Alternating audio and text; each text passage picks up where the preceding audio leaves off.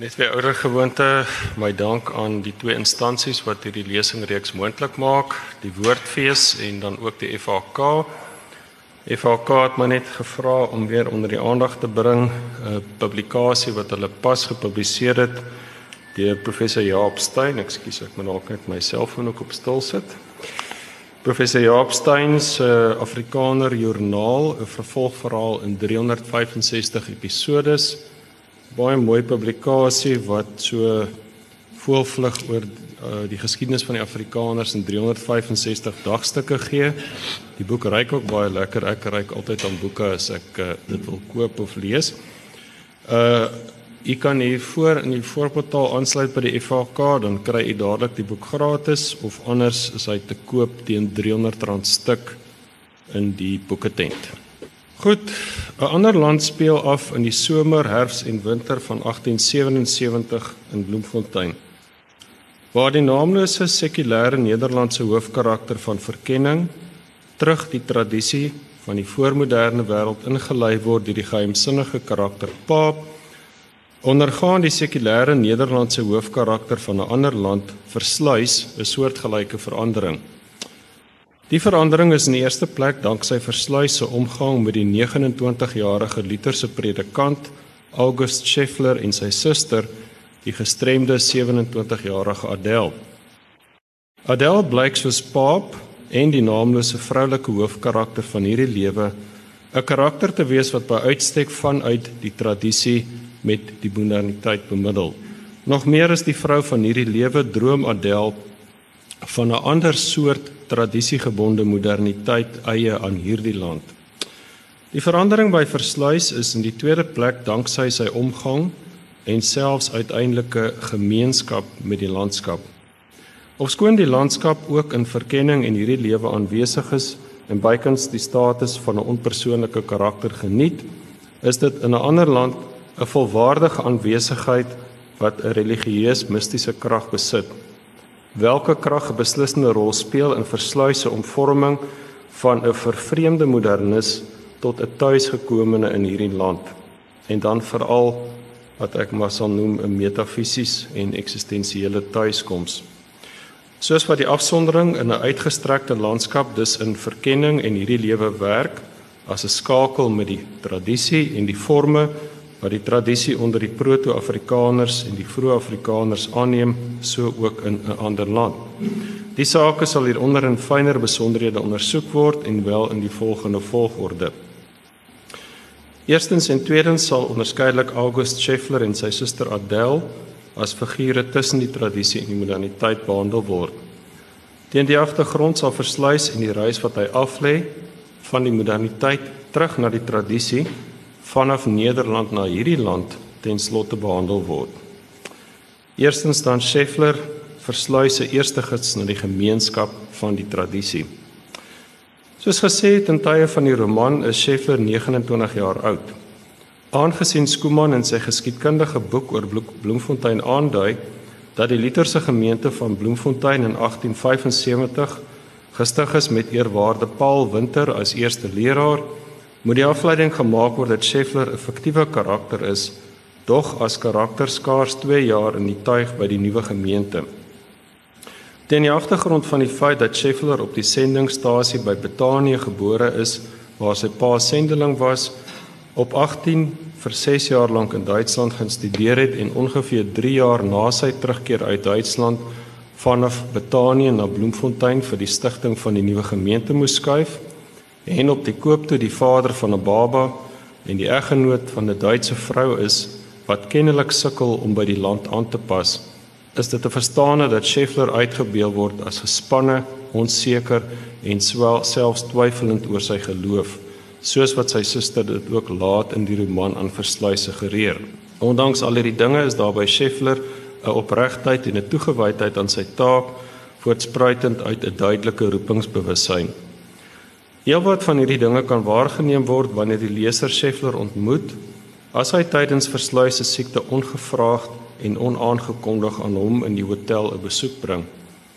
Dit is opvallend dat die Joodse hers wat op sy eie manier in 'n ouer tradisie veranker is, die inisiatief neem om Scheffler by versluis besoek te laat aflê.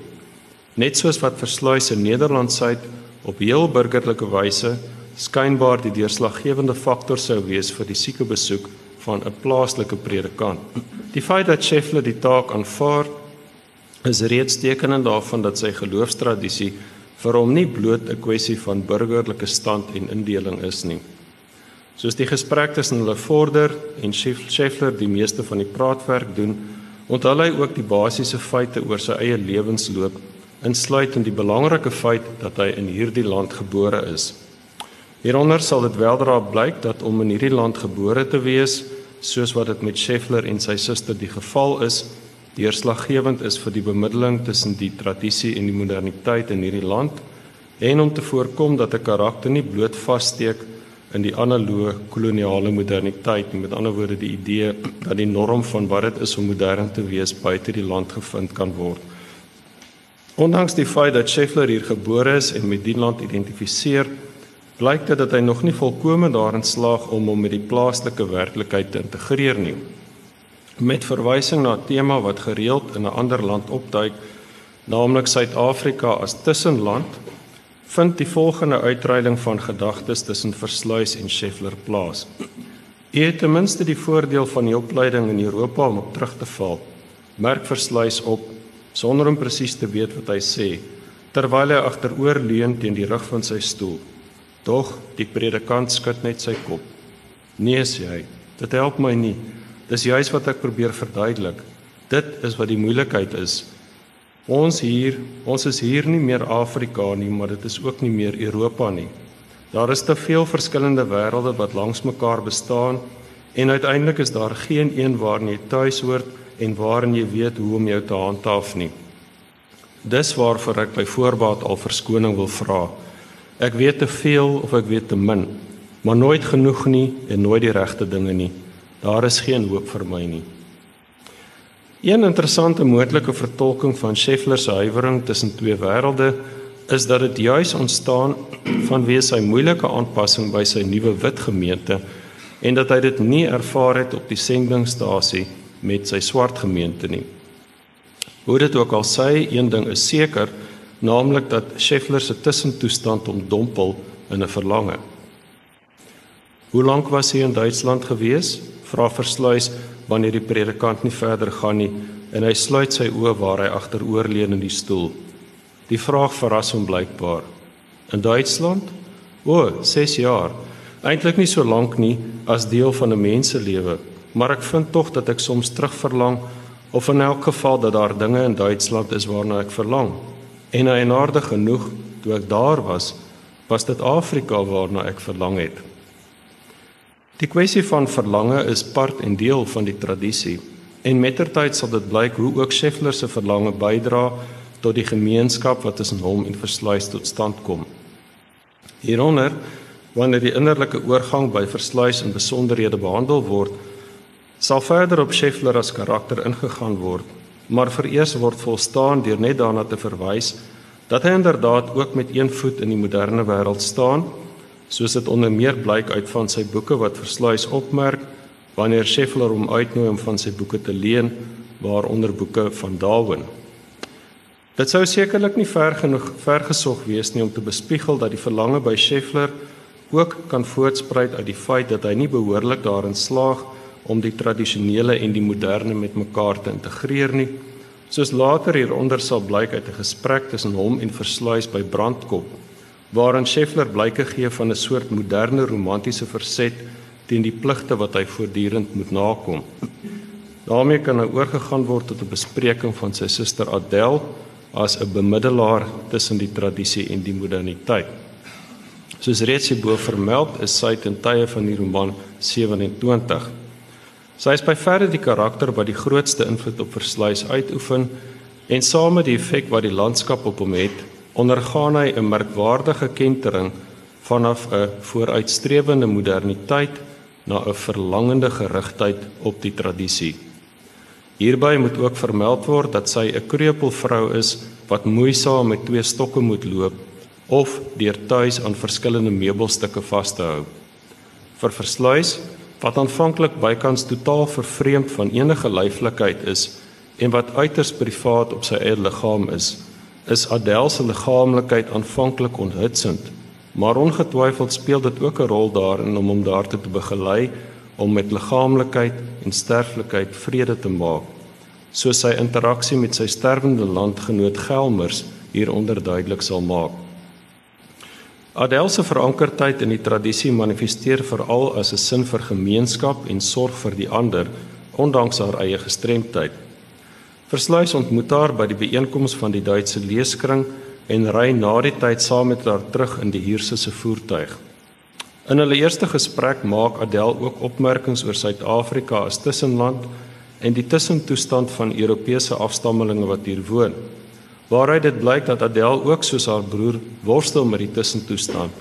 Maar dit is ontmerk opmerklik dat dit haar nie met dieselfde hopeloosheid as vir hom laat nie. Een waarskynlike rede hiervoor is die feit dat sy in hierdie land gebore en getoe is en nooit die land soos August verlaat het nie, sodat sy dus geen basis van vergelyking met 'n ander land het nie. Adèle se geloof orienteer haarself nog wyeer en dieper as vir haar broer die pastoor. Soos blyk uit die volgende gesprek wat sy en haar broer met versluis voer. August is 'n predikant en tog wil hy nooit 'n mens se persoonlike oortuigings of sy geesteslewe in die gesprek bring nie, verklaar sy met 'n ligte verwyte in haar stem. Omdat 'n algemene gesprek tydens 'n middagbesoek waarskynlik nie die beste geleentheid is om so 'n onderwerp aan te roer nie, Adèle, antwoord Scheffler. Maar waarom nie? Dit is tog dinge wat jou hele bestaan raak, ook jou sosiale lewe en jou middagbesoeke. Dis nie dinge wat mens net op vasgestelde tye met jou predikant in sy studeerkamer gaan bespreek nie. Ondanks Adèle se oordeel oor haar broer se beperkte geloof, is sy nietemin diep besorg oor hom en fyn ingestel op sy behoeftes. Tydens 'n latere gesprek met Versluis verduidelik sy aan die enigstens verraste Versluis hoeveel sy geselskap vir haar broer beteken. Adèle beroep haar in die gesprek op 'n sleuteltema van die Duitse romantiek, naamlik die noodsaak om aan mense gevoelens uiting te gee. Maar dan is dit ook so dat sy in aansluiting by die tradisie die rol van stilte in die verlange na gemeenskap erken. Die soort uitspraak sou trouens eweseer kon voorkom in die wêreld van die woestynvaders in die 4de eeu. Na mate die verhouding tussen Versluis en die Schefflers groei, bereik die roman 'n keerpunt wanneer Versluis impromptu deur die Schefflers uitgenooi word om vir ete te bly. Die wyse waarop Adèle hom aanspoor om dit te aanvaar, is sprekend van haar eie verlange na gemeenskap. Tydens die ete, waar die belangrike randkarakter en draer van die tradisie, die Schefflers se sendeling vader ook teenwoordig is, wy Adèle uit oor die kwessies van afsondering, gemeenskap en geloof. Ons lei almal aan ons afsondering, sê juffrou Scheffler waar sy bly staan het met die doek in haar hand, die lamplig agter haar. Maar teen hierdie tyd het meneer Versluis dit seker ook al self agtergekom. Vader nog meer as ons dink ek Adel. Ons woon ten minste nog hier in die stad, nie in die volslaa afsondering nie. Ja, maar Vader het sy geloof vir hom met sy eensaamheid sin en daardeur is hy nie meer eensaam nie. Hiermee gee Adel dus blyke van 'n insig wat ook reeds by die woestynvaders teenwoordig was, naamlik dat vir die een wat in gemeenskap met God leef, is afsondering nie gelyk aan eensaamheid nie maar aan die hoogste vorm van gemeenskapheid. Hierbo is reeds verwys na die feit dat Adèle die naaste van die plaaslike karakters aan 'n proto-Afrikaner kom danksy haar identifikasie met hierdie land. 'n Eerste voorbeeld hiervan is hoe sy die noodsaak van 'n plaaslike taal as tuiskoms in hierdie land sien. As haar skoonsister geskok reageer op Adèle se afkeer aan die feit dat hulle onder mekaar Duits praat, en vra wat sy dan eerder sal wil praat, antwoord sy: Nie Duits of Nederlands of Engels nie, nie 'n ingevoerde taal nie, maar een wat hierdie land eie is, soos die swart mense of die boere sin. Uit die aard van die saak is die erkenning van 'n eie taal as deel van 'n mens se identiteit en tuisheid 'n moderne tema wat ook in die Duitse romantiek by 'n denker soos Herder voorkom maar dit staan nogtans in die teken van die tradisie se identifikasie met 'n eie plek. Pas hierna in die roman blyk dit dat daar by Adèle ook 'n ander motief van die tradisie teenwoordig is, naamlik 'n sin vir die skoonheid van die gegeewe werklikheid wanneer daar 'n kort gesprek onder die Scheffler familie oor die harde plaaslike winters is. Baie dankie, begin versluis beleefd en breek skielik af. As ek dan nog hier is, wou hy byvoeg, maar hy onderdruk die woorde betyds. Daar is ten slotte ook niks afgespreek nie. Hy is tot niks verplig nie. Ek kan my nog nie voorstel hoe ek op julle winters sal reageer nie. O, oh, hulle is skerp, sê Scheffler in gedagte terwyl hy van die tafel opstaan. Mooi sonnige winters, maar bitter. Matilde, kry ons nog koffie? Bitter, maar mooi, sê juffrou Scheffler. Hierdie erkenning van die skoonheid van selfs die harde plaaslike winters sal in die bespreking van versluis hieronder beslissend vir sy eie innerlike reis blyk te wees. Vanuit Adel se tradisionele erkenning van die skoonheid van die werklikheid, spruit daar vervolgens ook 'n ander element van haar identifikasie met hierdie land, naamlik die idealistiese versigtiging dat die algemene skoonheid van die werklikheid ook in hierdie land besondere forme sal aanneem. Dit sê sy wanneer haar vader en haar broer hulle strykinstrumente instem om 'n Mozart duo voor te speel wat die keerpunt van die roman en van Versluis se innerlike reis sal blyk te wees. Ek sou hier uit hierdie plek, uit my eie omgewing en my eie tyd iets vir die wêreld en vir die eeue wil voortbring, sê sy dan met 'n sekere heftigheid en besin haar onmiddellik. Ag ja, wat sou ek kan doen? Maar ek sou graag wil sien dat dit gedoen word. Ek sou wil sien dat hierdie stilte 'n stem kry. Adele se spesifieke motivering oor die versigtiging van groot kuns uit hierdie land is belangrik, naamlik dat sy heel spesifiek die stilte as die bron van die kuns sien.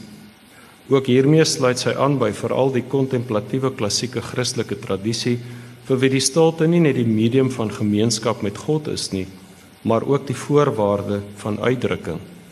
Eers luister, dan 'n stem kry. Wat die implikasies hiervan is, sal in die slotafdeling met betrekking tot versluis uitgewerk word.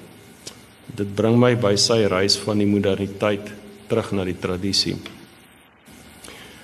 Wanneer die leser versluis ontmoet, is hy siek en lydend in 'n warm skommelende koets onderweg na wat later blyk Bloemfontein te wees.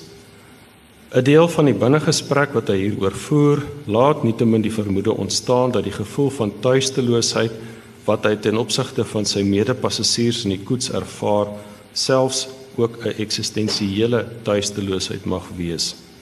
Hulle gaan huis toe, dink hy by homself in een van sy laaste oomblikke van helderheid, maar hy word al hoe verder weggevoer, al hoe dieper in 'n onbekende land. Wanneer dokter Krause versluis in sy siekbed by die hotel besoek, verneem die leser die eerste keer sy naam asook dat dit sy eie keuse was om na Afrika te kom. Ofskoon versluis modern is, is dit tog opvallend dat twee skrywers wat die tradisie ernstig opneem, ook vir hom belangrike verwysingspunte is wanneer hy in sy kennismaking met Scheffler aan hom vertel. Ek het Virgilius nog altyd 'n groot troos gevind sê versluis. My Virgilius en my Montaigne gaan altyd saam om op reis te lees of wanneer ek snags wakker lê. Hieruit kan dus reeds afgelei word dat spore van die tradisie ook by versluis teenwoordig is of skoon dit in die vroeë stadium van die roman nog nie die toon by hom aangee nie. Om die waarheid te sê, maak hy dit in sy eerste gesprek met Scheffler duidelik dat hy sekulêr modern is. Ek neem aan dat u nie 'n lidmaat van die Lutherse kerk is nie, begin die predikant dan met 'n effense aarzeling.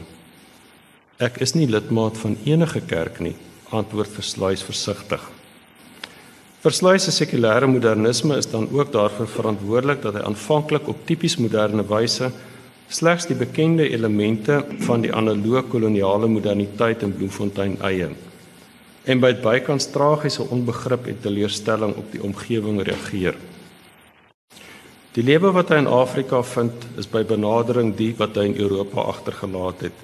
Dink Versluis by homself waar hy leunend op sy wandelstok in die skadu van wilgebome vertoef om te rus of dankbaar na die vertroude skemerdonker van sy kamer terugkeer of in elk geval 'n redelik oortuigende nabootsing daarvan aan die ander uiteinde van die aarde onder 'n feller son en vreemde sterre in die middel van hierdie verslae en verlate vlakte.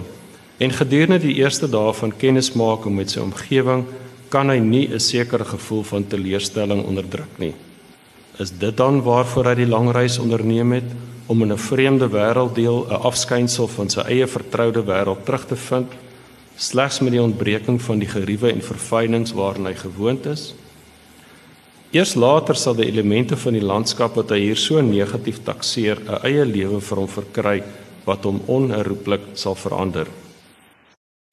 In die verlenging van sy pas aangehaalde besinning oor die plaaslike omgewing word sy negatiewe taksering van die landskap ook uitgebrei na die plaaslike mense wat nie in sy moderne raamwerk inpas nie. Sy afkeer aan die plaaslike mense en dit wat hy in Bloemfontein teekom, is sterker as sy afkeer aan hierdie landskap, sodat hom sodat dit hom ironies genoeg uit die dorp uit die landskap in begin dryf sodat hy daar op 'n rots kan gaan sit om uit te rus sonder dat die aanwesigheid van die grafte op onaangename wyse aan hom opgedring word. Sy rug na die dorp wat hy agtergelaat het terwyl hy oor die wye panorama na die suide uitkyk. Soos die eerste keer ontstel dit hom steeds. Alhoewel hy self nie die rede vir die ontsteltenis sou kan aangee nie, het die uitgestrekte leegte tot by die horison, vaalbruin of dofgoud in die wisseling van die lig of grys uiteindelik in die wasigheid van die aand onder 'n hemel waar die kleur van die sonsondergang al hoe sterker uitgloei nog net van die dek van 'n skip op die oop see nadat die laaste land agter die kim verdwyn het het hy so verlaatheid gesien soos hierdie vlakte waaroor hy uitkyk ongemerk deur 'n huis boom of enige ander teken van lewe 'n leë ruimte wat wag dat iets moet gebeur 'n blad wat nog nooit beskryf is nie. Reeds in die vroeë stadium is Versluys se reaksie op die landskap dus dubbelsinnig en soos met die tyd sal blyk, veelzeggend van sy eie innerlike reis.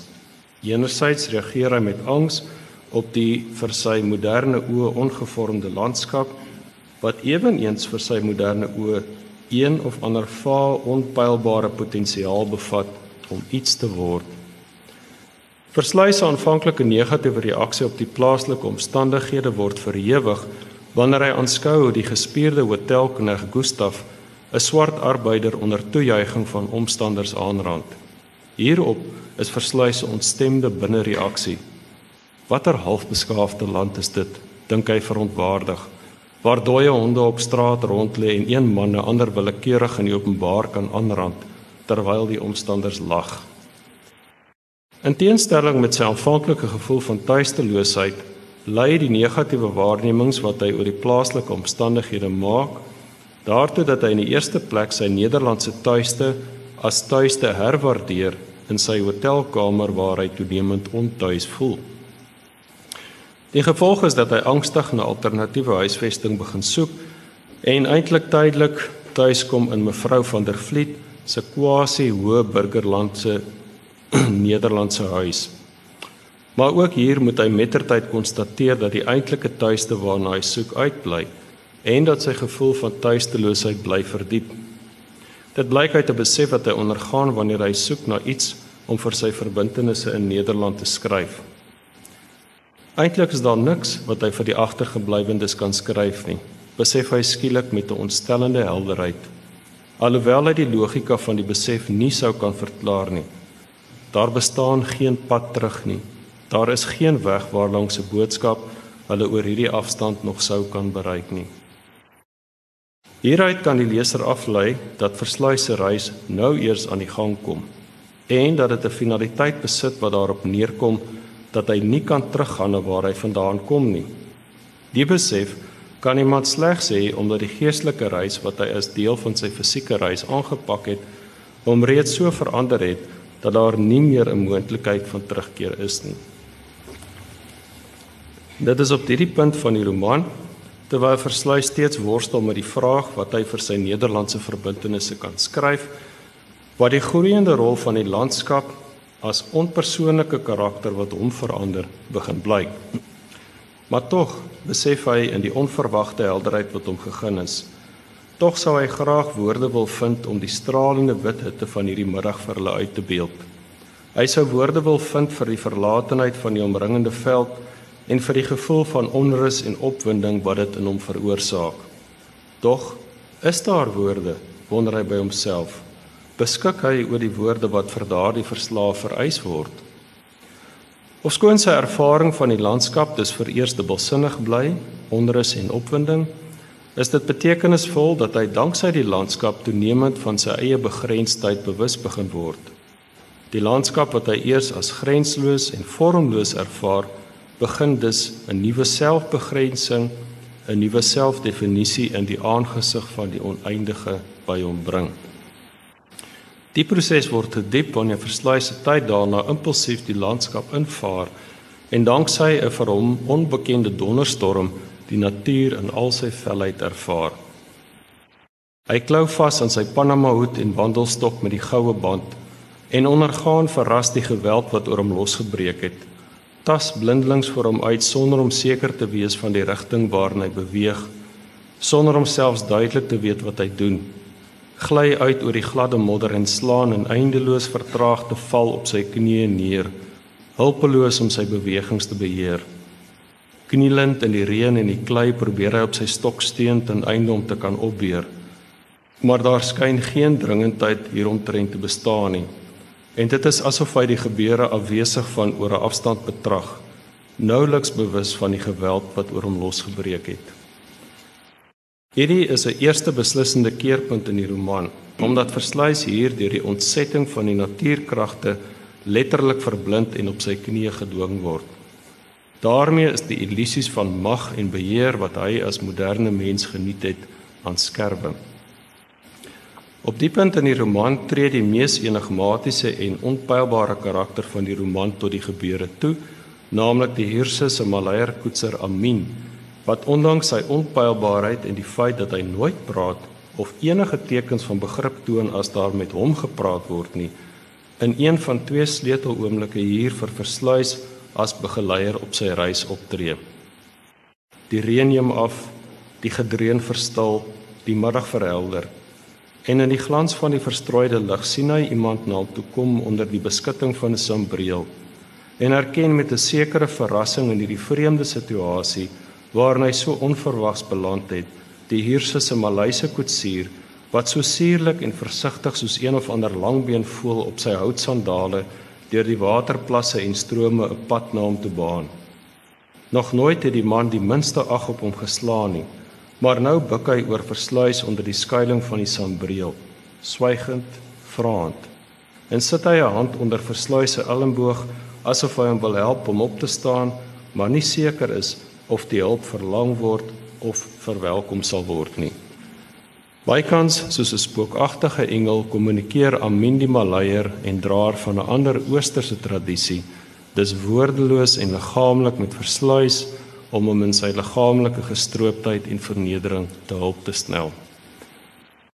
Amin neem versluis vir hulp na die hut waar in die swart hotelkneg Josef woon. Verblind in die halfduister wat binne heers, is versluis net dof bewus van 'n stoel wat aangedra en met 'n doek afgestol word sodat hy daarop kan plaasneem. 'n Afgekeepte emalje skottel met water in 'n handdoek, helderwit en heeltemal verslete, wat aangebied word sodat hy sy met modder besmeurde hande kan was. En Josef wat voor hom kniel om die klei van sy broek te probeer afvee. Van groot belang is hoe Josef met 'n bykans Christelike ritueel aanderkant taal en deur die medium van liggaamlike sorg na versluis uitreik. Deur sy gekombineerde interaksie met die plaaslike landskap en die plaaslike mense buite die wêreld van die analoë koloniale moderniteit begin daar nou by versluis 'n ander bewussyn aangroei. So blyk dit as versluis by sy terugkeer na mevrou van der Vliet se huis begin besef hoe hy aan die verander is. Hy het onkwetsbaar geword, dink versluis geamuseerd by homself terwyl hy onthou hoe angstig pompe hom in jasse en serpe ingewikkel en met sjaals en sambrele van voordeur na huurkoets begelei het. Hy het 'n proef deurstaan en ongedeerd daardeur gekom. 'n Nuwe mens in 'n nuwe wêreld. Dink hy by homself wanneer mevrou van der Vliet uiteindelik goed vind dat hy opstaan en hom in 'n rottangstoel op die agterstoep installeer. Die vaal flets landskap wat hy sedert sy aankoms geken het, roerloos in die gloed van die hitte, 'n skoon gewas en stralend en die tuine en boorde in 'n nuwe groen getooi. In die koestering van die son onder die diepblou hemel wasem die aarde 'n geur van vrugbaarheid uit. Dis weliswaar belangrik om daarop te let dat terwyl versluis enerzijds hier op tradisionele wyse die skoonheid van die werklikheid, ook van die plaaslike werklikheid begin eien, hy nogtans in moderne terme dink oor 'n nuwe mens in 'n nuwe wêreld wat die tipies moderne Europese benadering tot die kolonies was. Gelukkig is dit nie waar sy reis eindig nie, want algaande sal hy besef dat sy vernuwing deur die ou ou bronne van die tradisie loop. Hierdie reis van hom verloop, gegee word die ingrypendheid daarvan uiteraard nie sonder stampe of stote nie. Soos wat die nuwe begin wink, so word hy ook deur donker gevoelens en toestande getuister. Soos dit gebeur wanneer hy in huis van mevrou van der Vliet in die geselskap van besoekende Britse offisiere en sy landgenoot Gelmers verkeer. Versluis staan alleen in die skadu teen die muur van die huis en verlatenheid en angs oorweldig hom op die helder middag waarin hy na die sorgelose mense voor hom kyk. Angs soos die wat hy ervaar wanneer hy van die rand van die dorp vanaf die beskutting van die laaste huise en tuine uitkyk na die uitgestrektheid van die veld. Daar is eensaamheid, besef hy vir 'n oomblik. Daar is verlange. En sonder om duidelik bewus te wees van wat hy doen, draai hy weg soos sy Gelmers 'n paar minute gelede hier op die stoep sien wegdraai het en wonder by homself watter uitvlug, watter wijkplek daar vir hom kan wees. Belangrik hier is dan ook die onpylbare verlange wat hy saam met sy angs identifiseer. Die verlange wat volgens die tradisie dit is wat die mens ook na die transcendente laat uitstrek. Meer spesifiek begin hierdie vaar verlange by versluis die vorm van verlange na gemeenskap aanneem, soos wat hy dit kan konstateer wanneer hy vervolgens tydens 'n wandeling onverwags vir Scheffler teekom.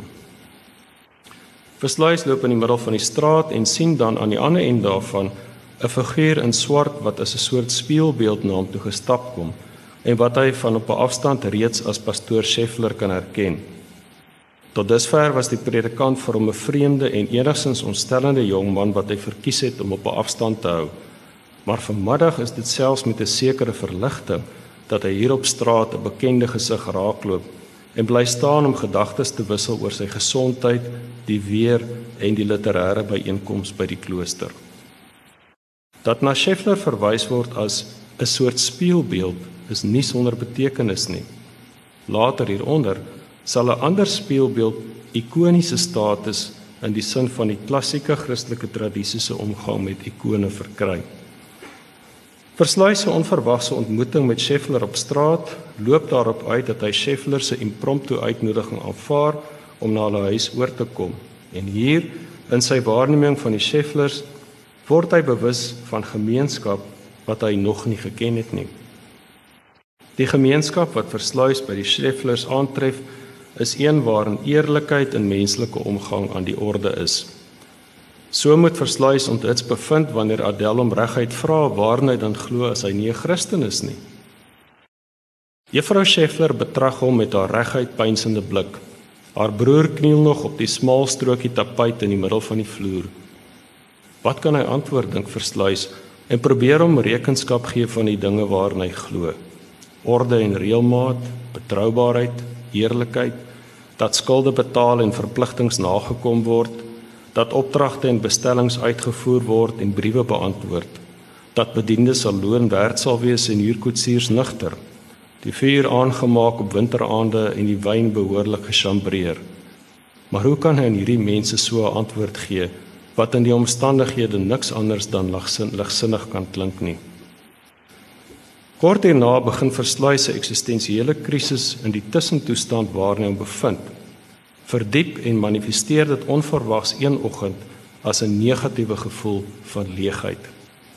Nadat hy hierdie gevoelens van leegheid moeisaam oorkom het, wend versluis hom na die pastorie waar hy op versoek van mevrou van der Vliet 'n pakkie vir Adel moet aflewer.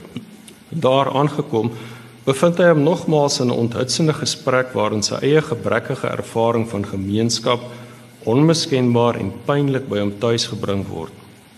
Sake word vir hom vererger wanneer hy sy onaptydelike landgenoot Gelmers by Adel aantref en sy versluis uitvra oor sy ervaring van kinders. Het u ondervinding van kleinkinders meer versluis? Wil sy weet. U het geen neefies of niggies nie? Het geen jonger broers of susters gehad nie? Ek het ongelukkig 'n nogal geïsoleerde bestaan gelei wat dit betref, sê hy styf. Ek het heeltemal geen ondervinding van kleinkinders nie. Vervolgens blyk dit dat Versluis 'n enigste en bovendien eensame kind was, 'n herinnering wat hom onverwags oorval en verder onthuts. Die ontstemming wat Versluis weens hierdie besoek aan Adel Scheffler beleef, lei hom dan tot die besef dat hy hom van Nederland as tuiste begin losmaak. Na mate Versluis se besinning oor sy innerlike verandering vorder, begin hy by nabaat besef dat die siekte wat hy in Nederland opgedoen het, die eerste breuk in sy selfversekerde moderne subjektiwiteit geslaan het om dit nou in filosofiese taal te stel wat hy of Skuman natuurlik nie gebruik nie. As kind was hy reeds bewus van daardie verlatenheid, die haar barsies in die geverniste skyn van dinge wat toegang tot oneindige ruimte verleen. En van tyd tot tyd het die herinnering daaraan nog onverwags op hom uitgespring met gevoelens van bedreiging en van angs. Tot daardie dag toe ou dokter Slingeland en die spesialis wat hy in Den Haag laat oorkom het, geluidloos sy kamer binnekom om hom die resultaat van hul oorleg mee te deel. Die veilige vernislaag het gesplinter en afgekraak en die fyn barsies het gegroei om die mure te laat wankel en tuimel. Toe het hy daardie dreigende verlatenheid betree en daar was niks meer om die angs op 'n afstand te hou nie. Daarna het die lewe sy gang hervat en hy het middels gevind om voort te gaan. Redmiddels, hulpmiddels, lapmiddels teen die verskrikking. Maar hy het dit ondergaan en die werklikheid daarvan kon nooit meer ontken word nie. Nadat hy uiteindelik genoegsaam herstel het van die nagevolge van die donderstorm wat hom oorval het, gee hy toe aan die hoë burgerlike toenadering wat verskeie mense deur mevrou van der Vliet se toedoen tot hom gesoek het. Insluitend om die uitnodiging na die bal ter ere van die Duitse keiser se verjaardag te aanvaar. In die stadium van die roman kan dit gesê word dat die verdiepende ervaring van gemeenskap wat versluis met die Schefflers het, nog staan as kontrapunt teen die ou vertroude hoë burgerlike skakeling van sy moderne Nederlandse bestaan.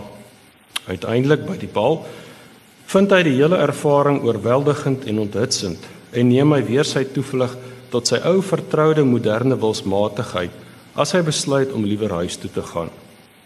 Versluis se verswakte liggaam dikteer egter anders as sy wilsmatige voorneme, want as gevolg van sy ongesteldheid stort hy by die bal in duie en verloor sy bewussyn.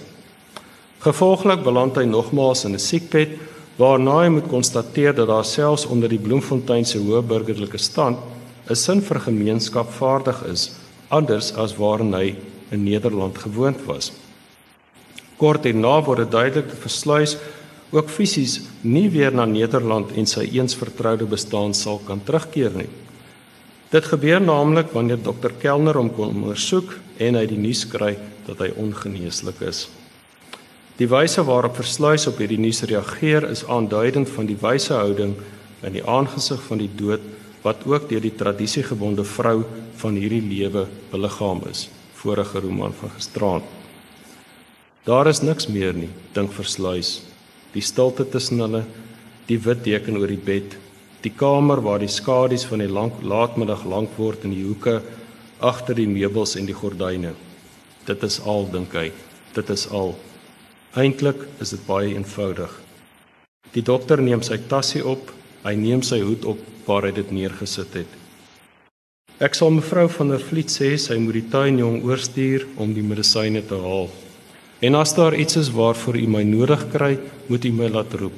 Ek woon net 'n entjie verder by die straat af oor kan die college. Hy buig, hy gaan, byna geluidloos trek hy die deur agter hom toe. So eenvoudig, so vanselfsprekend is dit, dink versluis by homself om iemand te laat weet dat hy op sterwe lê. En so eenvoudig is dit om die mededeling aan te hoor. Ondanks versluise gelaatheid by die aanhoor van hierdie nuus, sal dit weldra blyk dat sy innerlike reis nog nie verby is nie en dat daar anders as wat hy in hierdie stadium dink wel nog iets is en nie bloot niks meer nie. 'n Eerste verandering by Versluis is dat hy beslissend afskeid neem van die wêreld en die bande van sy moderne Nederlandse bestaan wat nou vir hom alle sin verloor. Dit is op hierdie punt in die vertolking van Versluis se innerlike reis waar die tweede wendingsoomblik van die roman weer ter sprake kom naamlik sy impromptu ete by die Schefflers wat deur August en Adèle se bejaarde sendeling ouers besoek word. Dit is dus pas nadat die finale onthegting van sy moderne Nederlandse bestaan 'n finaliteit begin verkry het wat versluis dieper in die onbekende terrein van gemeenskap inbeweeg aan die etenstafel van hierdie liefdevolle familie. In 'n sleutelpassasie in die roman waarin 'n plantmetafoor gebruik word wat later weer besondere betekenis sal dra, brei die Schefflers op hulle tuisheid in hierdie land uit. Ons mense is lief vir al barre stukkie aarde, meneer Versluis, sê Adèle sag. Is dit vir jou vreemd, meneer? vra haar vader. Maar ja, dit is seker. Dit is 'n dor en onherbergsame land. Baie klippe, baie sand, baie stof niks om die oog te streel of die hart te bekoor nie. Nederland is maar 'n klein vlak landjie en tog is daar mense wat Nederland baie innig liefhet, sê Versluis. En is jy dan nie een van hulle nie? Ek het in Nederland groot geword. Dit is in die omstandighede die land waarin mens gewoond is en waarvolgens mens ander lande meet. Dis soos die plante, sê pastoor Scheffler langsom al die vetplante en woestynplante wat hier uithou en die droogte en die ryp oorlewe. Versluis sy eie tuisteloosheid, sy eie eksistensiële onverskilligheid teenoor sy land van herkoms word hier gekontrasteer met die sin vir tuiste wat onder die tradisiegebonde Schefflers vaardig is en wat deur die pastoor met 'n asketiese beeld beskryf word. Plante wat by die omstandighede in hierdie land aangepas het en met die minste oorleef. Die gemeenskapheid wat versluis so onverwags en intens aan hierdie etenstafel meemaak, herinner hom opnuut aan sy eensaamheid. Op die punt gaan die ou sendeling daartoe oor om 'n Mozart dio vir altviool en viool te speel saam met sy seun Scheffler. Dit is die oomblik waarin die wending in versluis beslissend is. Beginnende by die platoniese besef dat die skoonheid van die werklikheid nie tot een enkele konteks beperk is nie. Hulle lig die strykstokke teen die snare. Hulle kyk na mekaar en hulle begin. Die instrumente, altviool en viool, verkeer inderdaad nie in 'n besonder goeie toestand nie. En die spel is van selfsprekend die van amateurs sonder tegniese vaardigheid of die nodige vlotheid van uitvoering. Op vreemd vervormde wyse kom die deel wat hy uit die konsertsale van Europa ken hier in 'n huiskamer in die binneland van Afrika na versluis toe. Voorgedra deur 'n bejaarde sendeling en sy seun. Soos 'n landskap wat gesien word deur ruitte van effens onreëlmatige vensterglas of 'n beeld wat liggies vervorm is in die weerkaatsing van 'n antieke spieël. Aarseling en erkenning by die aanskouer daarvan vermeng sodat daar 'n onwesenlike oomblik van onsekerheid is waarin jy jou afvra Is dit of is dit nie? Die eerste skok van onsekerheid gaan egter oor en die patroon van die melodie begin herkenbaar uitstaan. Versluis ontspan. So erg soos wat hy vir 'n rukkie gevrees het, is dit darm nie. Hy sal kan bly sonder om hom uit beleefdheid daartoe te moet dwing.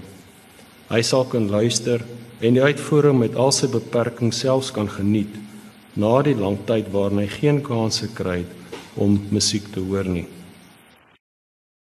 Nogtans word versluis aan die einde van die eerste beweging van die deel bewus van die verskil tussen sy ervaring van die musiek en Adèle se ervaring.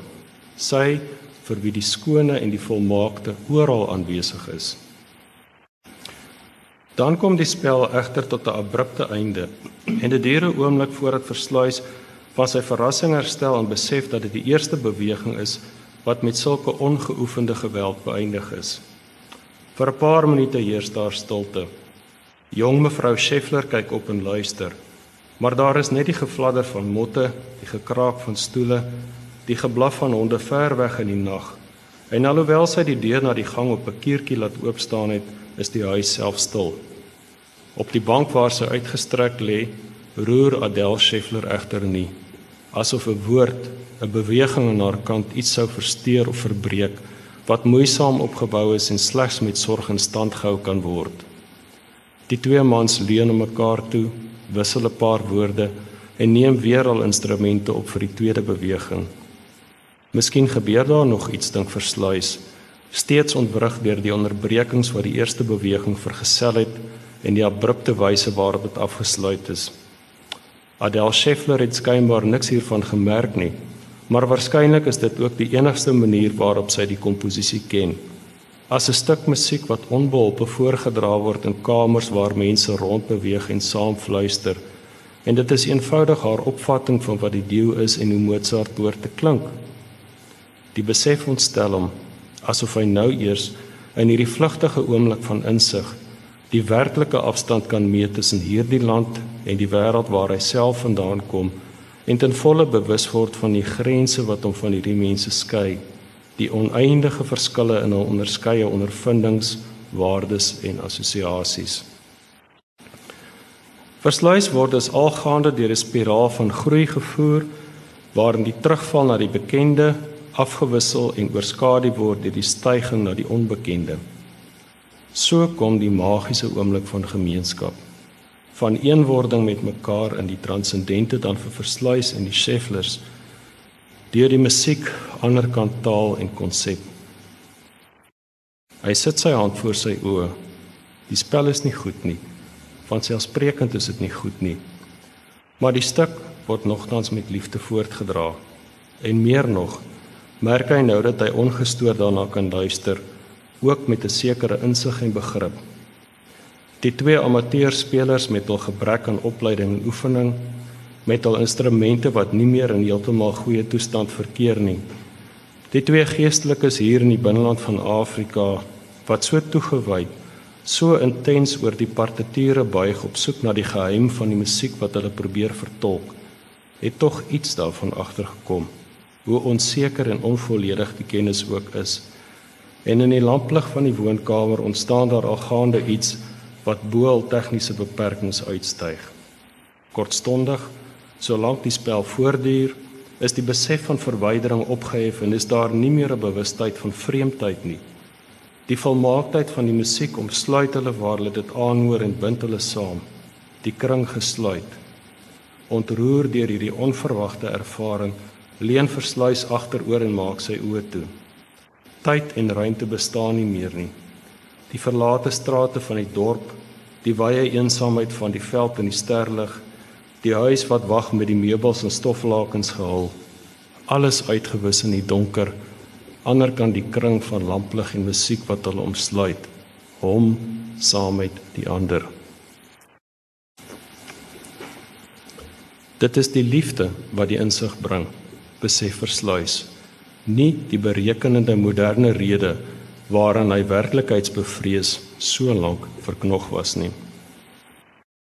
Die nawerking van die ervaring van gemeenskap deur die musiek op versluis blyk vervolgens lankdurig te wees. Reeds die volgende middag in huis by mevrou van der Vliet, waarvan haar Nederlandse vriendin op besoek is, begin hy die omvang van die verandering in hom pyl. Nie net begin versluis die skenkende aard van die werklikheid met sy gewing van vreugde en hoop besef nie, maar ook ervaar hy vir die eerste maal in die roman op sy eie rus en vrede. Kort hierna aanvaar hy pastoor Scheffler se uitnodiging om besoek af te lê op Brandkop. Dit sal 'n reis word waarin die ervaring van gemeenskap tussen hulle nie net verdiep nie, maar ook versluis se ervaring van gemeenskap met die landskap as bron van die tradisie. Soos die rit vorder en die gesprek tussen hulle oomblik afbreek, beleef versluis nog 'n epifaniese gewaarwording van gemeenskap. Kan hy miskien nog 'n nikseggende sinnetjie vind om die gesprek 'n ander wending te gee? Wonder versluis, leun agteroor in die hoek en kyk na die profiel van die jong man langs hom. Nooit in sy lewe was hy so alleen met 'n ander mens soos hier op die eensame pad nie, dink hy verwonderd. Sy lewe was beskut, sy alleenheid in alle tye beveilig en versigtig beskerm deur die dienste van ander. En by die besef van wat nou gebeur, voel hy 'n onverwagte duiseling, 'n opwinding byna, asof deure een na die ander voor hom oopgaan en eindelose vergesigte in die opeenvolgende vertrekke voor hom oopvou deur 'n reeks lang gange en uit oor die wye land waardeur hulle ry.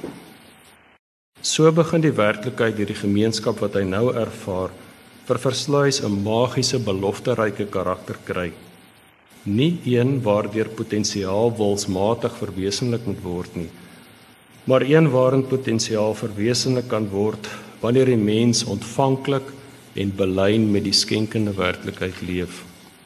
En so begin versluis ook ongekwalifiseer die skoonheid van die land waarvoor hy eens nog angs ervaar het in aansluiting by Scheffler erken. Erken. En so verdiep die gemeenskap tussen hulle verder. Maar die land is mooi, sê Scheffler dan skielik, opgewek uit 'n gedagtegang waarin versluis hom nie kon volg nie. Die land is mooi, is dit nie meneer Versluis? Weer is hy vrolik. Sy gesig straal van begeestering En die vraag is so 'n uitdaging wat geen teespraak duld nie. Die dorp het reeds lankal agter hulle verdwyn. Net die lae lyn van sy berg nou sigbaar in die verte aan die ander kant die rand. En om hulle strek die veld in sy wydheid uit, die pluime van die gras skitterend in die lug. Ja, sê versluis. Dit is mooi. En Scheffler glimlag vir hom asof dit die kenteken is waardeur hulle deelgenote gemaak word in 'n geheimenis. Deur die stralende middag oor die skitterende land ry hulle in stilte verder na die heuwel voor hulle en die eerste skadu van die aand. Wanneer hulle by hul bestemming aankom op die plaas van die Vigards, laat Scheffler versluis eers vir 'n rukkie alleen. Hier kan versluis die tuin waarneem en ook in hierdie ruimte van moderne Europese makmaking, tuin, het hy 'n mistiese ervaring van skoonheid en vrede. Volgens die Aristoteles Thomistiese siening Thomas Aquinas van die tradisie is vryheid vir elke mens die verwesenliking van jou vooraf gegeewe einddoel. Te ver, verslaai steeds alleen daar in tuin is, het hy 'n gewaarwording van sy einddoel, naamlik om in vrede te sterf. Vervolgens sluit Scheffler weer by hom aan en begelei hy versluis na sy geliefkoeste uitkykpunt op Brandkop, waarin hy kom as hy hom in stilte wil afsonder. Oor die ete wat hulle daar geniet, betuig Scheffler sy dank omdat hy hierdie besondere plek ook nou met versluis kan deel. Soos die skemer geleidelik oor die wydse landskap begin daal en Scheffler hom teenoor versluis ontboesem, kom versluis nogmaals tot die besef van die ervaring van iets wat hy nog nooit voorheen ervaar het nie. 'n Ervaring van intimiteit in hierdie leegte wat staan in kontras met die eensaamheid en oorvloed van sy moderne Europese bestaan. Dit is in hierdie stadium van die gesprek wat Scheffler aan Versluis vertel van sy eie epifanie oor sy tuiste in hierdie land nadat hy van sy studie in Duitsland teruggekeer het. Op veelzeggende wyse speel die landskap as onpersoonlike karakter ook in Scheffler se epifanie 'n bepalende rol. Ek het blindelings weggestap deur die veld, weg van die pad wat ons gevolg het, teen die helling uit, tussen die klippe en die bossies oor die droë grond waar die akkedissie so vinnig in die skeure verdwyn dat jy hulle nouliks nog kan sien. Ek was weer terug. Ek was op pad huis toe, Betanië toe, Vrystaat toe. Elke klip het dit vir my gesê. Die son op my gesig, die wind wat al hoe sterker na my toe waai terwyl ek hoër klim.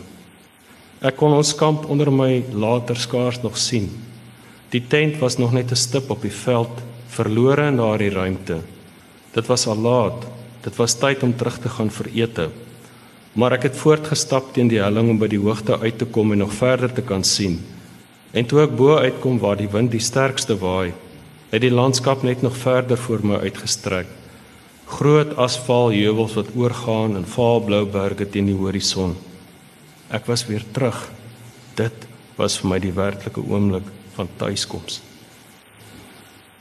Wat was die implikasie van Scheffler se epifanie? Kort hierna, as die son finaal ondergaan, sien versluis die lig in 'n seldsame oomblik van insig. Die son is onder. Geledig van alle kleur strek die koepel van die lig wat die wye kom van die aarde. Leegheid wat leegheid weerspieël. Leegheid wat op leegheid balanseer. Geledigde vlak wat by geledigde vlak aansluit soos die twee kleppe van 'n skulp. Asof alles vir 'n breekdeel van 'n sekonde skielik volmaak geword het. Dit gaan verby, dink versluis. Nog voordat hy behoorlik daarvan bewus geword het, is dit reeds verby en hy besleg bly met slegste herinnering. So 'n oomblik van insig sal hom nooit weer gegeen word nie, besef hy. In die leegheid het versluis dis 'n vervlietende ervaring van oorvloed en volmaaktheid. Geledigde vlak wat by geledigde vlak aansluit soos die twee kleppe van 'n skulp. Dan bereik die roman 'n besondere hoogtepunt as Scheffler vanuit 'n sin vir die transcendente 'n ideaal van volkomme oorgawe aan hierdie land as voorwaarde vir gemeenskap met die land aan versluis voorhou in antwoord op versluis se vraag wat hy met sy lewe sou wou doen. Om afstand te doen van alles sê hy in gedagte alles wat ons van elders saamgebring het en met leë hande die leegte in te gaan. Dit is wat ek sou wil doen. Dit klink baie heldhaftig en onprakties maar dit sou nie so poëties wees nie. Om alles te laat wat jy kan laat en al gaande alles te verloor wat oorbly. Dit sou nie maklik wees nie om niks te hê nie en niks meer te wees nie en in armoede te lewe soos hierdie mense in hulle hutte teen die randjies. Om te kyk en te luister en deel te word van hierdie land en sy stilte. Om in God te lewe, naamloos en onbekend. Om hier dood te gaan en begrawe te word en jou liggaam aan die land oor te laat sodat die gawe volledig word. Dit klink hoogdrawend, nê? Nee? Skielik flits sy jongensagtige glimlag dan uit deur sy erns om deel te word van hierdie land soos die gode en geeste in ander lande deel is daarvan en om dit in die proses ook deel te laat word van jou in die donker tussen die klippe en wortels en gruis. Dan begin Scheffler versluis van die kop af lê in die donker, 'n donker wat meer is as bloot die einde van die dag. Die land is grou en daar lê skadu's langs die rande. Onbewus van die las wat hy dra, stap Scheffler reeds vooruit en wil weer nie dat versluis iets daarvan moet oorneem nie. Dit sal lank duur voordat ek weer tyd sal kan losmaak om na brandkop toe te kom, merk hy op. Nou is dit reeds byna Paase en daar is soveel bykomende verpligtinge om my aandag op te eis. Versluis volg stadiger, steunend op sy wandelstok. Kan u sien? vra Scheffler en bly staan om op hom te wag. Sit die hand op my skouer. Ek is taamlik vas op my voete en ek ken die pad. Dankbaar maak Versluis weer van die aanbod gebruik en steunend op die predikant beweeg hy verder soos 'n blinde wat voortgelei word deur die donker. Na hierdie grootse ervaring van gemeenskap met mens en landskap begin daar by versluise sorgsaamheid in wat nie voorheen daar was nie. Heel treffend met betrekking tot die jong gelmers wat versluis voorheen nie kon veel nie en wat vroeër die dag op straat flou geval het vanweë sy eie siekte toestand. Kort hierna sit Virgilius sit versluis Virgilius en lees en kom hy nogmaals tot die besef van die goedheid van die werklikheid. Met die gewaarwording van die goedheid van die werklikheid en die groeie groeiende sin vir gemeenskap by versluis word die derde hoofstuk van die roman afgesluit en word in die vierde hoofstuk die laaste deel van sy reis na volledige menswees beskryf. Dit is nie onjuis nie om te sê dat hierdie volledige menswees 'n Christelike karakter sal verkry soos veral in versluise offervaardigheid teenoor gelmers sal blyk. Vroeg in die 4de hoofstuk ontvang versluise besoek van Scheffler. Dit blyk dat die Schefflers die sterwende gelmers aan huis ingeneem het en dat Scheffler versluis kon vra of hy bereid sal wees om met mededoof vir sy jonger landgenoot voor te lees. Versluis aanvaar die uitnodiging.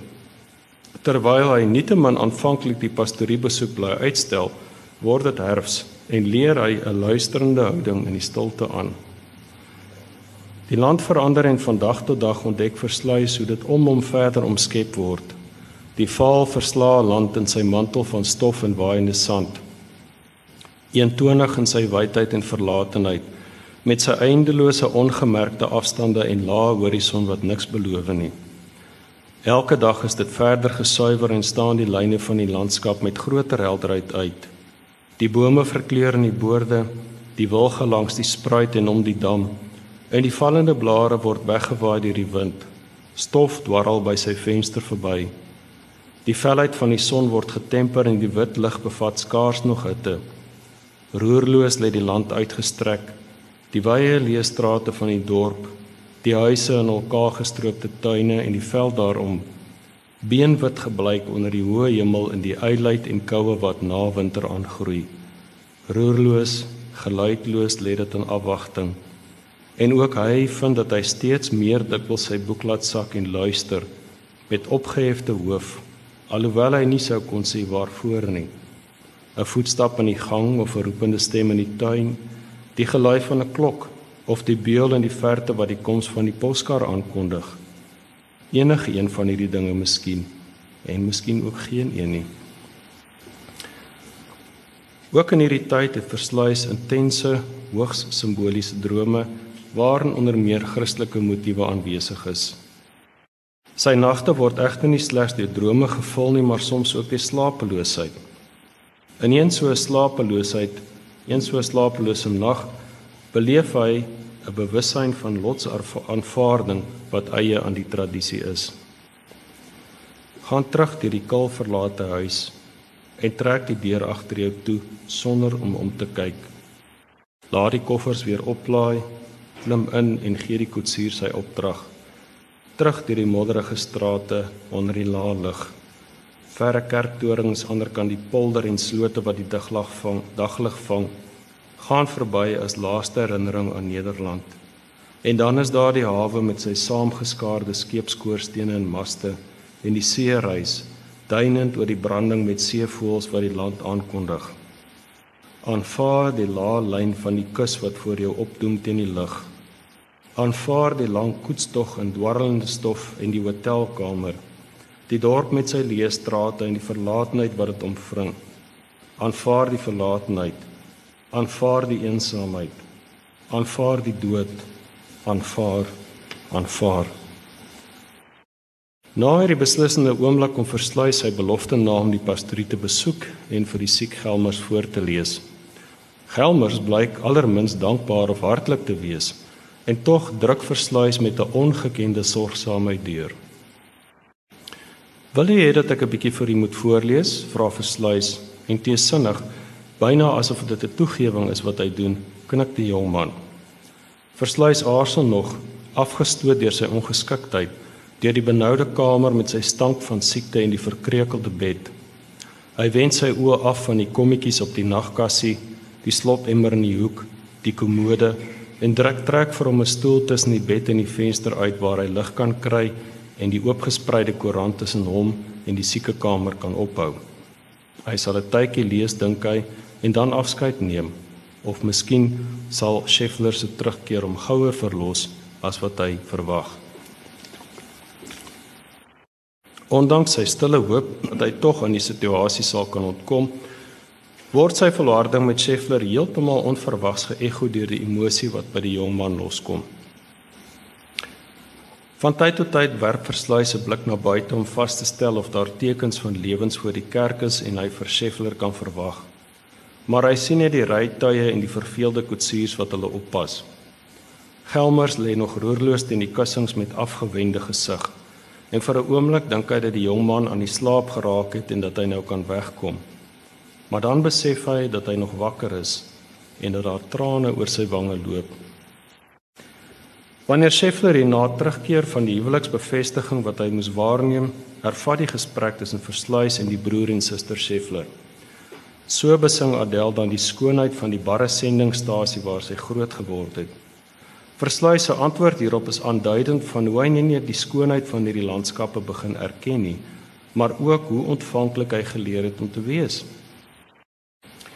Miskien het ek tydens my verblyf daarom begin leer om die skoonheid van hierdie landskappe raak te sien sê hy.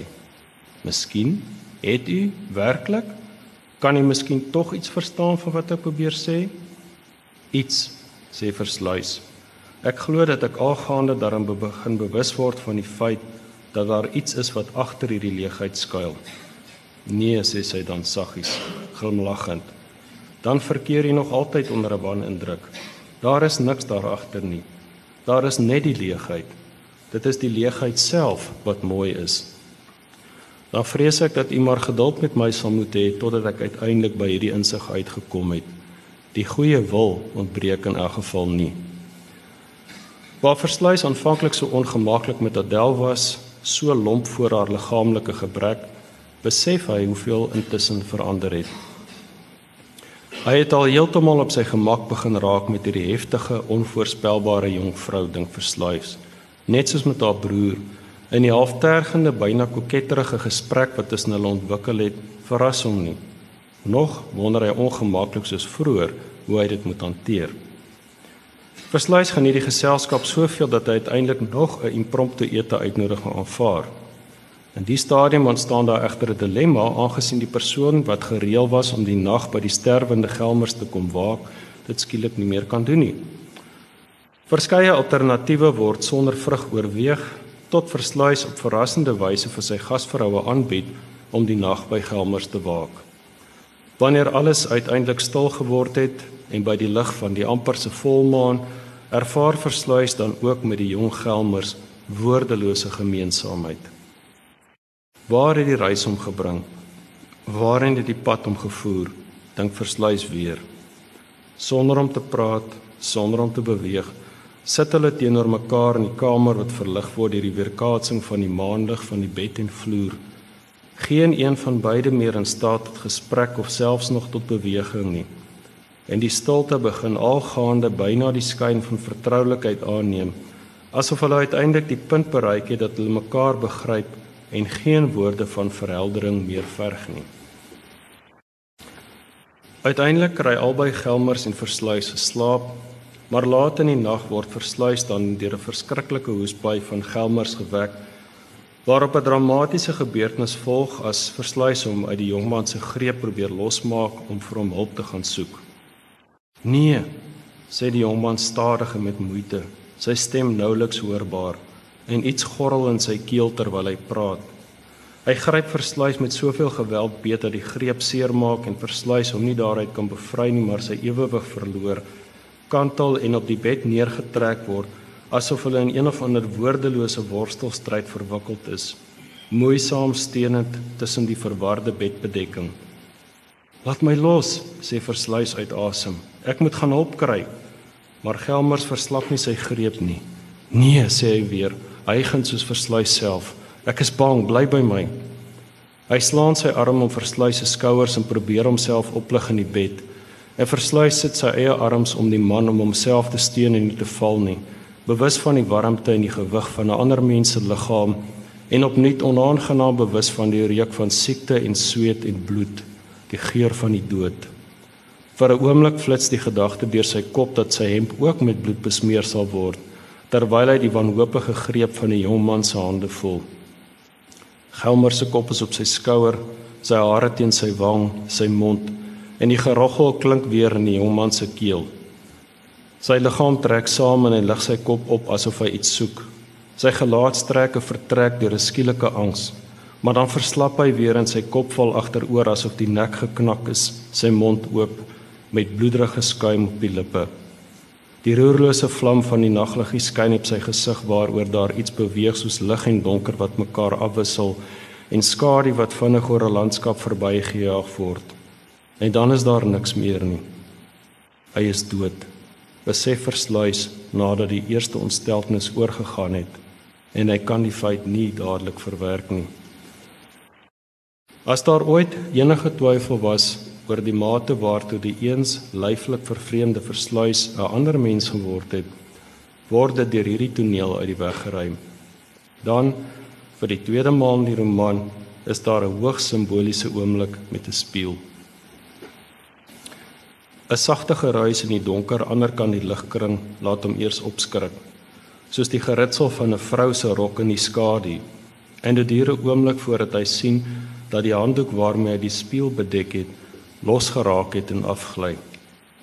In die gloed van die naglig sien hy sy beeld weer kaats, hare verward en hemp verkreukel en gevlek, met in sy omarming teen sy bors aangedruk, die liggaam van die vreemdeling asof dit koestering of beskerming is wat hy man probeer bied. Lank kyk hy na daardie spieelbeeld sonder om die werklikheid daarvan te besef, soos 'n verre beeld wat deur die omraming van 'n venster gesien word. En dan weer na die jong man in sy arms, na die liggaam waaruit alle beweging verdwyn het, so vinnig en so vol sla om niks agter te laat nie. Die gesig so vredig en onverstoord soos 'n leespieël.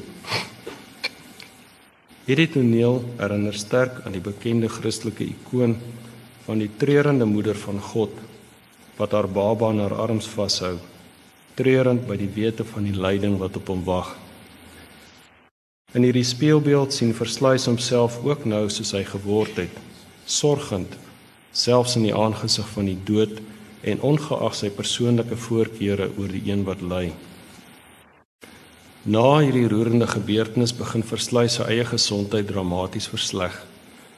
Scheffler kom na hom en wat blyk 'n laaste besoek te wees en waarin hulle reminisseer oor die grootse ervaring van gemeenskap met mekaar en met die landskap wat hulle in die stilte op Brandkop beleef het. Dan onthou Scheffler skielik iets anders in sy gesig vertroebel weer. Daardie middag toe ons Brandkop toe gegaan het, het ek u te lank uitgehou in die koelte in die aandlig. Dit het my niks aangedoen nie. Maar dit was tog nie goed vir u nie. Ek moes nie so onbedagsaam gewees het nie. As ek wou terugkom kon ek so gesê het. U was te beleefd. As ek weer die kans gekry het om vir 'n middag na Brandkop te gaan, sou ek dit neem. As ek liggaamlik nog daartoe in staat was, sou ek weer wil gaan en daar op die koppie gaan sit en praat. Sê versluis mooi saam. En dan glimlag Scheffler stadig by homself waar hy staan en wegkyk ander kant die kamer, sy gedagtes elders. Ja, sê hy, ek ook. Op nog roerender wyse is Versluis nou die een wat die geskenk gee. Wanneer hy as afskeidsgeskenk sy kopie van Vergilius aan Scheffler skenk, die as goeie sterwensbegeleier om op een van die groot skrywers van die tradisie beroep met 'n boodskap van hoop vir Versluis.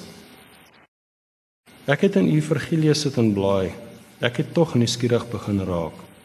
En vra versluis. Ek het al te veel van my Latyn vergeet. Daar is baie wat ek nie kon verstaan nie. Maar tog ek dink ek besef wel wat dit is wat u daarin aantrek. Die gedraanheid, die sekerheid. Hy draai om en gaan na die tafel om die boek weer terug te sit waar hy dit gevind het. Neem dit vir u, sê versluis en dan wanneer die predikant aarsel, neem dit. Ek het dit nie meer nodig nie. Miskien wil jy later verder daarin lees. Ek sal dit by u leen, stem Scheffler uiteindelik in, totdat u dit weer terug wil hê. Ek het dit al dikwels genoeg gelees. Daardie tyd is nou vir my verby. En ruil daarvoor sal ek dan eenmiddag oorkom as u ten minste daarna voel en as u my toelaat vir u Dante voorlees. Miskien sal ek u tot hom kan bekeer soos u my tot Vergilius begin bekeer het. Versluis glimlag ook. Dit is nou ongelukkig te laat daarvoor sê hy. Vergilius behou sy voorrang. Ten slotte was Dante self tog ook van Vergilius afhanklik vir leiding op sy tog. Net deur die haal en langs die Louteringsberg by die ingang van die paradys kon selfs Vergilius nie verder gaan nie. Hy moes as ongedoopte omdraai en dit was Beatrice wat vir Dante verder geneem het. Net die genade is toereikend vir daardie hoogtes, voeg hy sagter by. Niks anders help nie. Dan steek hy die boekie in sy sak. Ek sal weer kom, sê hy, en langer bly. Hierdie keer is dit 'n belofte. Die geleentheid word Scheffler egter nie gegeen om Versluis weer te besoek nie. Versluis versleg verder en dit word winter die seisoen van die dood. Hy herstel tog in 'n mate sodat hy dan opnuut die veranderde en nou eers gestroopte landskap kan waarneem. En nie meer seker is of die verandering in die landskap of in homself was nie. Wanneer hy dan aan die hand van sy verskillende ervarings van die landskap vanaf sy aankoms in die land tot by die naderende eindbestemming van sy aardse sowel as sy innerlike reis nadink, kom hy tot die slotsom dat die eksistensiële angs wat hom eens getuister het, nou finaal verby is. Versluis bly daar sit en dink terug aan die rammelende koets en die verslae landskap wat hy van tyd tot tyd koorsig en eilhoofdig tussen die wolke waaiende wit stof ontdek het. Onthou die swewende aasvoël met vlerke uitgestrek. Onthou sy wandelinge in die aand na die heuwel by die begrafplaas waar hy gaan sit het om oor die landskap uit te kyk. Ontstel en terselfdertyd tog ook geboei deur die wydheid en die leegheid van hierdie vreemde afwysende land. Ander kan die huise van die dorp sien uit die heuwels met hul rotse en kraanse en verwronge bossies teen die lug afgeteken. Onaangeraak deur die lewe van die gemeenskap die geblaf van honde of die geroep van kinders in hul spel, die rook uit die skoorsene. Die landskap roep geen gevoel van bedreiging of angs meer by hom op nie. Dis op hierdie punt waar die rol van die landskap in versluise reis 'n hoogtepunt bereik en wel in die sin dat die landskap nou die voorwerpe van sy verlange na gemeenskap word. Dit gebeur nadat hy die kopie lees wat Adel Scheffler met sy laaste besoek aan hulle na Gelmer se sterwende impuls sterwe impulsief vir hom uitgeskryf en van die onbekende Nederlandse gedig wat hom oorspronklik in Nederland by die leesdae van op die ingewing van die oomblik laat besluit het om vir sy gesondheid na Afrika te reis. In hierdie tyd terwyl sy lewe steeds meer inkrimp van sy kamer na die stoep, van die bed na die stoel en al sy behoeftes en begeertes, al die roerings van sy gees hulle van dag tot dag verder aanpas by die eise van 'n liggaam wat tot al hoe minder in staat is. In hierdie tyd voel versluis die verlange by hom opkom om vir nog een keer, al is dit ook die laaste, uit die steeds enger grense van sy wêreldjie weg te kom. Die verre veld en die klipprige rande teen die lig wat hy van sy sitplek op die stoep kan sien, wek in hom onrustigheid met hul belofte van afstand en ruimte. Die steeds bleker lig aanderkant sy kamervenster roep herinnerings aan weier vergesigte op. Die frases van die gedig waarna hy so onverwags herinner is, bly hom by met hul stigge beeldspraak deurtrek van hartstog. Gesig na die venster gewend, lê hy teen die kussings en luister na die gerammel van die kusyne in die wind en die fyn geritsel van stof en sand wat teen die ruitte aangewaai word. Van waar die onrus wonder hy? Juis nou dat hy aanvaarding geleer en berusting aangekweek het. Dit gaan egter nie oor nie. Die koors neem af en die polslag bedaar sodat dokter Kelner met sy daaglikse besoek nie meer so bedenklik kyk nie. Maar die verlange bly los van die patrone van steeds swaarder insinking en steeds moeisamer herstel waarin sy liggaam oorgelewer is. Die verlange na die landskap word so sterk dat versluis die huurse se staande aanbod aanvaar om met hul voertuig 'n rit te onderneem. Sy enigste metgesel is nou die enigmatiese stilswygende koetsier Amin, die vreemdste onder die vreemdelinge, wat nou soos Sharon die veerbootman om oor die rivier Styx na die doderyk op sy laaste rit begelei. Die perde beweeg met 'n versigtige trippelpassie ingehou deur die luisels. En dit is byna asof die landouer langs die reguitstraat afgly, so behoedsaam is sy beweging. Doch selfs dit is versluis nog vermoeiend na die week in sy kamer en van tyd tot tyd moet hy sy oë toemaak. Die huise, klipmure, slote, die kaal bome met die middagson op hul takke, die wydheid van die gestroopte tuine skuif geluidloos verby. En voor die afstand kyk hy hulle aan asof hy afskeid neem.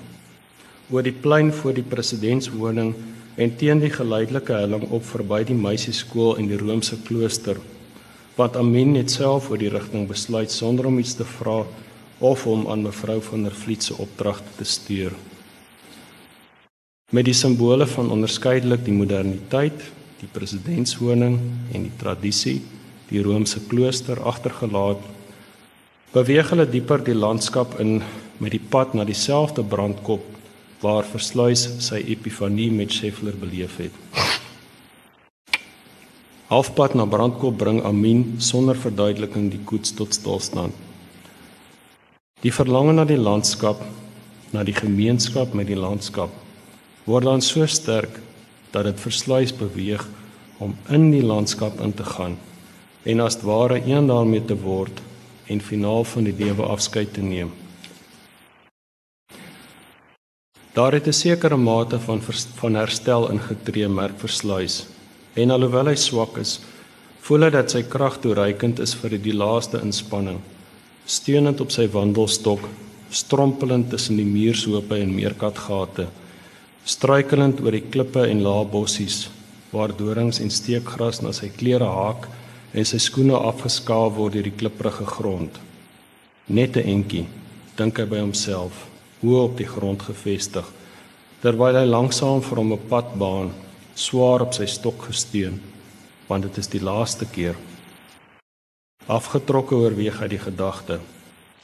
Afgetrokke kyk hy na die struike die droë gras die klippe en sand en buig dan om die vaal stekerige plante aan te ruk. Die puntige blare krap hom en die stingel is te taai om afgebreek te word. Duiseling verdonker sy oë en hy moet 'n tydjie wag, albei hande op die wandelstok voordat hy bykom. Maar waarom wil hy ook 'n takkie afbreek en as pad met hom terugneem na sy kamer? Vra hy hom af terwyl hy omdraai. Laat dit hier bly waar dit groei. Vasgeklou aan hierdie onvriendelike bodem waar die gras reeds dood is en die slote en waterpoele leeg. Die taai doringagtige plante, vaal soos die veld, die lae bossies die enkele verwaaide bome het diep wortels in hierdie grond uitgestuur vasgeanker tussen klippe tastend langs rotsbanke in die donker van die aarde na die laaste skaarse voeding. In hierdie aarde dink hy in hierdie grond tussen die klippe tussen die verstrengelde wortels van hierdie taaiplante in hierdie land. So kom Scheffler se metafoor vir die mense van hierdie land as vetplante en woestynplante dan terug. En so kom versluis op laas by sy eindbestemming aan in hierdie land. Die glimpe van die landskap wat hy gedurende sy siekte deur sy kamervenster of van die stoep gekry het, het hom slegs gedeeltelik voorberei op die verandering wat deur die koms van die winter teweeggebring is. Soos die onhelderheid van troebel water afsak en neerslaan, het alles wat in hierdie ruimte oortollig was, weggesak om die helder leegheid na te laat. Hoe strak die stowwerige panoramas van die somer ook was, het dit nog te veel gebied. Kleur, beweging en klank waarvan daar afstand gedoen kan word. En een na die ander is al hierdie dinge pryse gee. Die subtiele skakerings van kleur, die glans van die son op die wiegende gras, die geruis en geritsel in die plante groei en die verre lae gegons van die menigvuldige lewe in die koestering van die hitte. Alles alles het gegaan om 'n landskap so helder en deursigtig soos glas agter te laat. Wit gebleikte veld onder 'n bleekwit lig waarin niks meer uitstaan nie behalwe daardie verre swart ruituig met die perde en die koetsier wagtend op die bok. Eens toe hy pas hier gekom het, eens in 'n ander tyd toe hy hier nog vreemd was, afsydig van die land waar sy oponthou soos hy gemeen het slegs tydelik sou wees. Eens het sy wandelinge om saans na die rand van die dorp geneem en dan het hy daar geaarsel, huiwerig teenoor die landskap wat voor hom oopgevou lê, onbekend en onverkenbaar. En onverklaarbare angs het hom by die aanskoue van daardie leegheid gevul. Maar daar is geen rede vir angs nie dink hy terwyl hy stadig en ongejaag begin terugstap na die landouer steunend op sy stok daar is niks om te vrees nie. Die leegheid neem jou op. Stilte omsluit jou. Nie meer vreemde groothede om van 'n afstand onbegrypend betrag te word nie. Die onbekende land word vertroud en die deurganger onthou nie meer dat dit eens nog sy bedoeling was om verder te reis nie halverwege op die pad ontdek jy effens verras dat die reis voltooi is en die bestemming reeds bereik.